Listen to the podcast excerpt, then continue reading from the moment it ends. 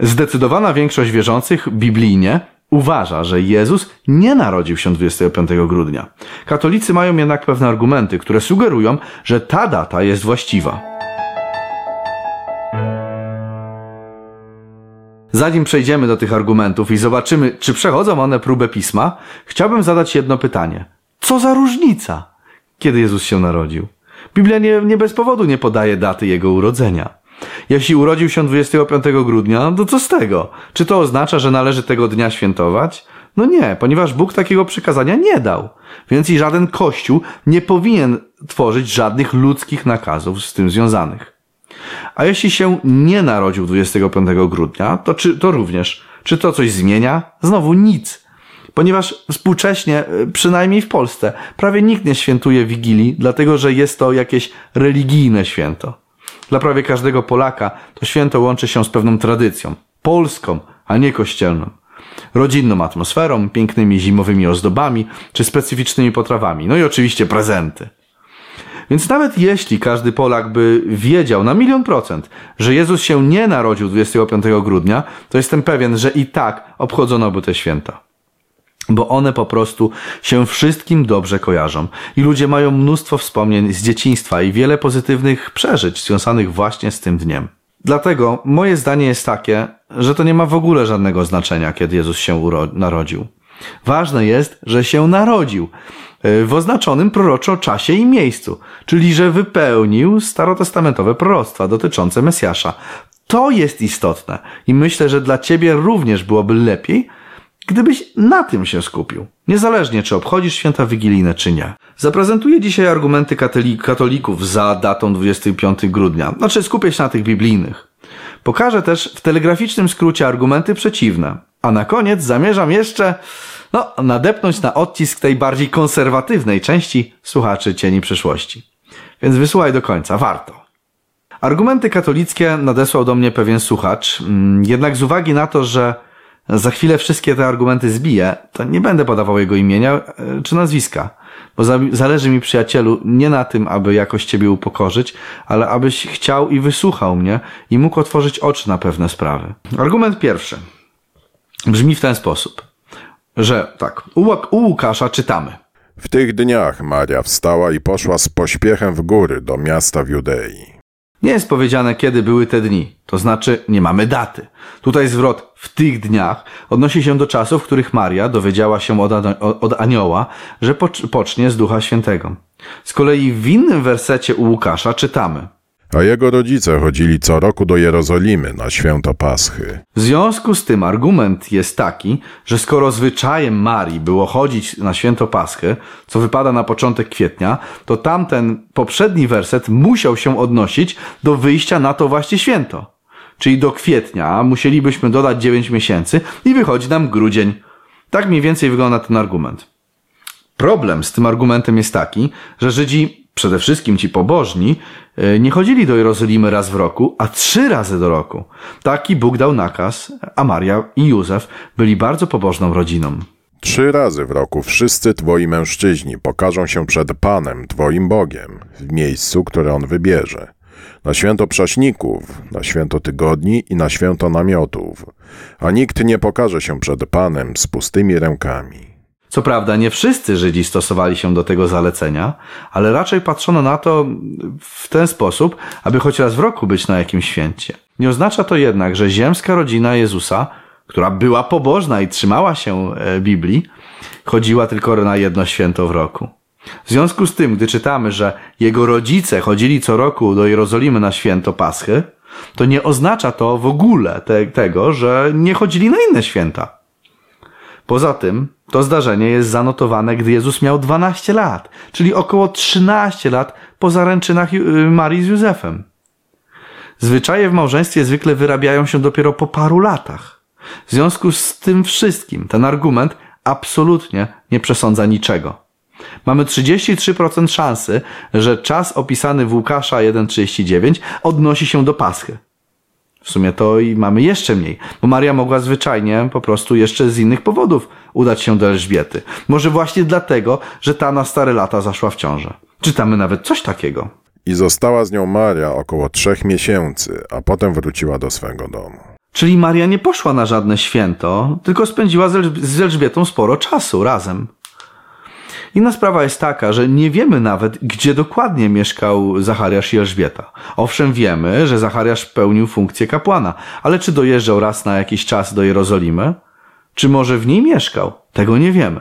Tym bardziej, że w opisie tego zdarzenia nie jest napisane, że Maria poszła do Jerozolimy do Elżbiety, tylko czytamy, że, cytuję, poszła z pośpiechem w góry do miasta w Judei. Czyli jakiegoś mało istotnego miasta w Judei, które nawet nie jest wymienione z nazwy. Cały ten argument niestety jest zbyt słaby i mocno trzeba nagiąć taką prostą wykładnię słowa. Ale zobaczmy dalej, zobaczmy kolejny argument, może on da nam więcej jasności. Zachariasz, będąc kapłanem, e, spełniał swój urząd kapłański. Zgodnie ze zwyczajem urzędu kapłańskiego padł na niego los, aby wejść do świątyni Pana i palić kadzidło. Argument ten drugi jest taki, że Zachariasz należał do oddziału Abiasza, co jest napisane w poprzednich wersetach, i że ten oddział służył również e, w święto namiotów. I sprawdźmy ten argument. Zgodnie z Księgą Kronik, zmiana Abiasza była ósmą zmianą. Siódmy na Hakkosa, ósmy na Abiasza.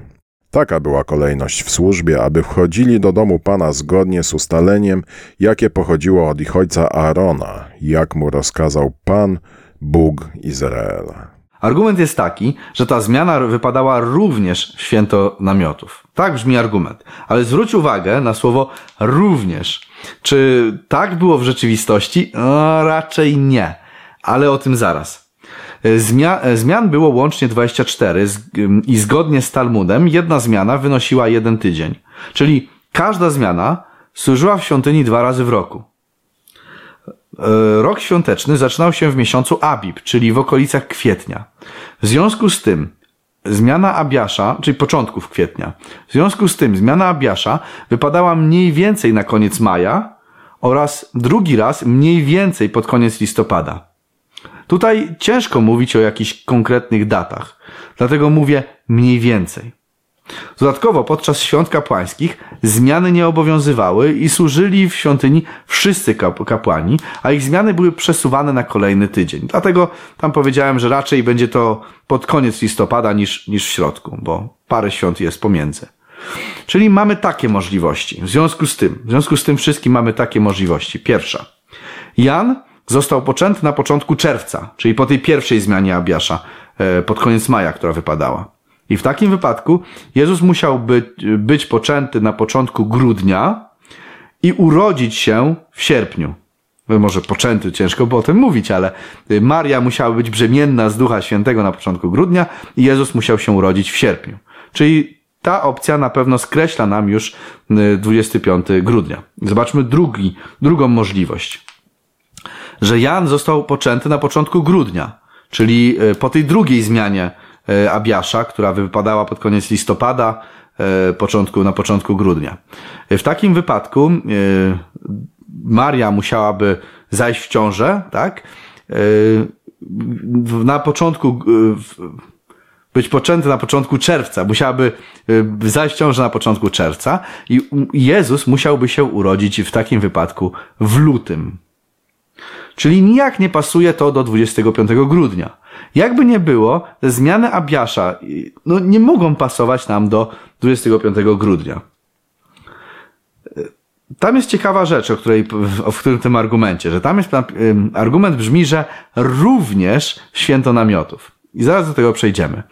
Czyli możliwe jest jeszcze, że to widzenie właśnie anioła w świątyni przez Zachariasza miało miejsce nie podczas jego zmiany, a podczas jednego z kapłańskich świąt. Jednak tutaj Biblia mówi wyraźnie, że tak nie było. A gdy pełnił służbę kapłańską przed Bogiem w kolejności swojej zmiany, było to w kolejności jego zmiany. A nawet jeśli, no, hipo, hipotetycznie zadajmy pytanie, nawet jeśli miałoby to być poza jego zmianą, to zgodnie z tym, że były trzy święta, podczas których wszyscy kapłani służyli w świątynię, to musiałoby wy, e, wypa, wypaść dokładnie na święto szałasów, aby Jezus miał się narodzić 25 grudnia. Czyli prawdopodobieństwo, tutaj mamy aż pięć opcji, wynosi około 20%, chociaż w sumie to zero, ponieważ pismo podaje, że Zachariasz miał widzenie podczas swojej zmiany, a nie w świętach, w których wszyscy mają zmianę. W związku z tym również ten argument nie wytrzymał próby pisma. Kolejny jest bardzo dziwny. I chyba ten jest właśnie prawdziwym, jedynym prawdziwym argumentem, z którym mogę się zgodzić. Otóż mój rozmówca podaje, że 24-25 grudnia, że w tych dniach, poganie obchodzili święto słońca, a z kolei w Apokalipsie czytamy, A miasto nie potrzebuje słońca ani księżyca, aby świeciły w nim, bo oświetla je chwała Boga, a jego lampą jest baranek. Myślę, że to jest dokładnie powód, dla którego katolicyzm przyjął tę datę. Nie z uwagi na zapis biblijny, bo ten, jak zauważyliście, wręcz przeczy tej dacie, ale właśnie z uwagi na fakt, że poganie czcili słońce. Więc księża katolicy po powiedzieli, że dobrze czynicie, tylko że to słońce to teraz będzie się nazywało Jezus, no bo przecież w Apokalipsie coś tam jest na ten temat, więc sobie to dopasujemy. Ale sobie nie zmieniajcie swojego życia, ani swoich kultów czci, zmieńcie tylko nazwy i oczywiście uznajcie prymat Rzymu nad waszym sumieniem. Rzecz jasna. Z tym się mój przyjacielu zgodza. Chyba tak to właśnie wyglądało. W związku z tym, że Biblią jest ciężko udowodnić datę 25 grudnia, w sumie to się nie da, katolicy sięgają do apokryfów. I tutaj już znajdują potwierdzenia swoich wierzeń. Ja nie będę tego analizował. Z prostego powodu, bo trzeba zauważyć, że powoływanie się na takie pisma jest bardzo ryzykowne. To jest trochę tak, jakbym sobie żył w pierwszych wiekach naszej ery i napisał, że 2 plus 2 równa się 5. A potem, 2000 lat później, ktoś by powiedział, że wszyscy chrześcijanie tak wierzyli, więc to jest prawda. 2 plus 2 równa się 5. Ludzie zawsze wypisywali różne dziwne rzeczy. Różne bajki pisali i baśnie, i, i, a w ogóle literatura apokaliptyczna w tamtych wiekach była bardzo popularna. I wiele, mnóstwo różnych bzdur jest pisanych. Ale sam fakt, że jest coś stare lub że zostało zapisane, nie oznacza, że jest prawdziwe. Pogaństwo od początku próbowało wtarnąć do kościoła i niestety głównie za sprawą Rzymu zostało to dokonane.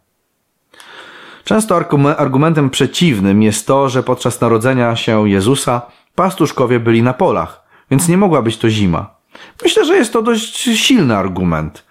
E, ale po więcej zapraszam Was do wywiadu, jaki nagrałem kiedyś z Jarkiem Jaroszem, który zgłębił e, dość mocno ten temat.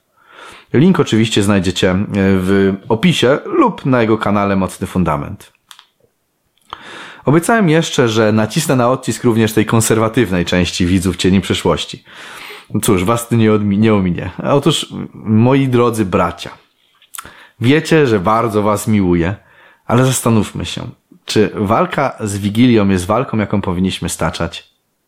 Tak ja wiem, że to z pogaństwa pochodzi. I tak, i tak dalej. I, to, i, i wiem, że, że tego, no, nie jest to, nie ma to żadnego oparcia w, w piśmie. Ale po pierwsze, tej walki nie wygramy. Każdy Polak ma jedynie pozytywne odczucia związane z tym świętem. Dodatkowo nikt, kogo znam, nie świętuje 25 grudnia, bo chce oddać cześć słońcu, czy jakiemuś fałszywemu bożkowi. Po prostu chcą spędzić czas z rodziną w miłej atmosferze. W momencie, gdy my, może i zgodnie z prawdą, i dla prawdy, przychodzimy i krzyczymy na nich, że to, co robią, jest złem, to nie wyglądamy w ogóle poważnie. Bo dla tych ludzi te parę dni to jest jedyne dobro, jakiego doznają przez cały rok. To jest jedyny czas, gdy ludzie są dla siebie mało wiele mili. A my przychodzimy i mówimy im, że to zło, bo z pogaństwa jest. Wiele rzeczy w naszym życiu wywodzi się z pogaństwa i jakoś sobie z tego nic nie, nic nie robicie. Nie, nie mówię, że jest to wszystko w porządku z tym świętem, bo nie jest. Nie, to prawda. Ale czy my nie marnujemy w ten sposób czasu. Czy to jest największy problem w Polsce, jaki jest? To raczej nie. Wolałbym, abyśmy zamiast tego walczyli na przykład z obżarstwem lub z pijaństwem wigilijnym. Dużo więcej by to dobra przyniosło. Przecież od dawna wiadomo, że święta wigilijne to są święta brzucha. Lub gdybyśmy występowali przeciwko kupowaniu zbytecznych prezentów, na, na przykład na rzecz dawania sobie pod choinkę dobrych uczynków albo aby ludzie zamiast prezentów robili zrzutkę na na przykład domy dziecka i tak dalej. Naprawdę to by przyniosło wiele dobra, a walka z samą Wigilią jest i tak skazana na przegraną. Niezależnie od tego, kiedy Jezus się urodził, ważne jest, że się urodził. Bóg zrodzony w pełni człowiekiem. Stał się jednym z nas, stał się naszym bratem, a następnie wykupił nas z naszych nędznych uczynków swoją własną krwią. Niech to będzie przedmiotem naszych rozważań. Zapraszam Cię do napisania w komentarzu, dlaczego Ty postanowiłeś uznać Jezusa za swojego króla. Dlaczego dla Ciebie jest to On tak istotny. To były Cienie Przyszłości. Subskrybuj i daj łapkę w górę. Śledź nas na Odyssey, czyli Library, BitChute, Telegramie i Facebooku. Cześć!